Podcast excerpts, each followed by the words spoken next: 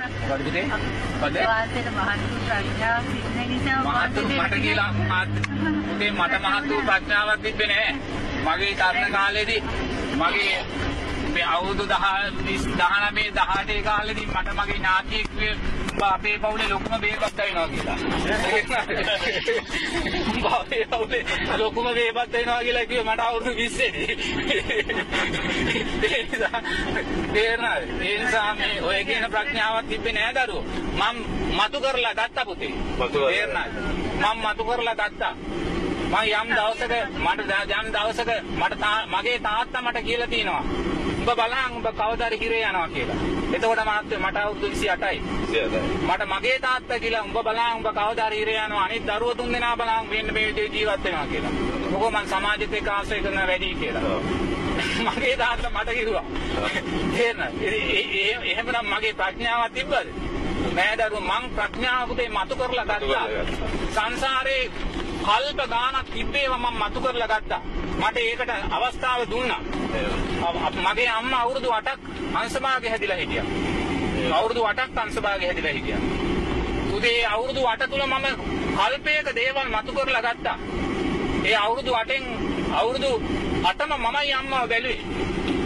ඒ අවුරුදු 8න් අවුරුදු 3ක් මම උයලා අම්මට කන්න දීලා තියෙනවා. මොකද නංගි කසාද බැඳලා ගිහිල්ලා මල්ලි වැඩට යනවා මමයි ඉන්නේ. අය අම්මගේ අසෝචි මුත්‍රා පුතේ මම එක දවසක් මේ ඔය අම්මා ඉස්පිරිතාලේ ඉන්නකොට රැයට මම ඉන්නේ. හැමදාම ඒ සිංහල බේතේ එතන ඒ සිංහල තැනක හිටියේ. හැමදාම පුතේ අම්මා මේ රැයට ඒ සිංහල බේත් නිසා හැමදාම වැසිකිලි යනවා රැයට 7ට 8ට විතර. තේරෙනවද ගොඩක් කසායන දෙන්නේ. ඉතින් මේ කසාය බිව්වම ගොඩක් වැසිකිලි යනවා. ඒ හැමදාම මම ඒ සියලුම කටයුතු මම කරන්නේ. නමුත් එක දවසක පුතේ යාට වැසිකිලි ගියේ නෑ. එදා මහත්තයෝ මට පුදුමාකාර අඩුවක් දැනුනේ තේරෙනවද?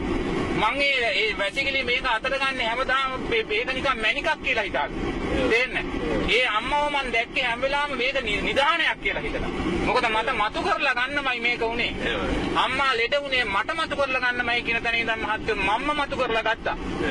කොතනකවත් මම මගේ අනුන්ගේ කියලා බැලුවේ නෑ ඔය තව එක තාත්තා කෙනෙක් ඔය අසනීප වෙලා හිටිය ඥාතියෙක් වෙන කෙනෙක් අවසානයේ බලන්න කෙනෙක් හිටියේ නෑ.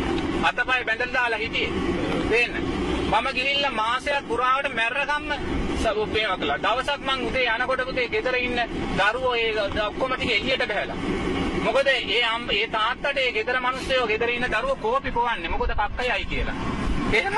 කොයි ඒ ඒ- ඒ- ඒ බලන්න මිනිස්සු එහෙමයි වැගෙන නිතර කක්කා කරනවා කියලා කෝපි පොවන්නේ. අරවට කැමති නැතුව ඒවා සුද්ධ කරන්නේ.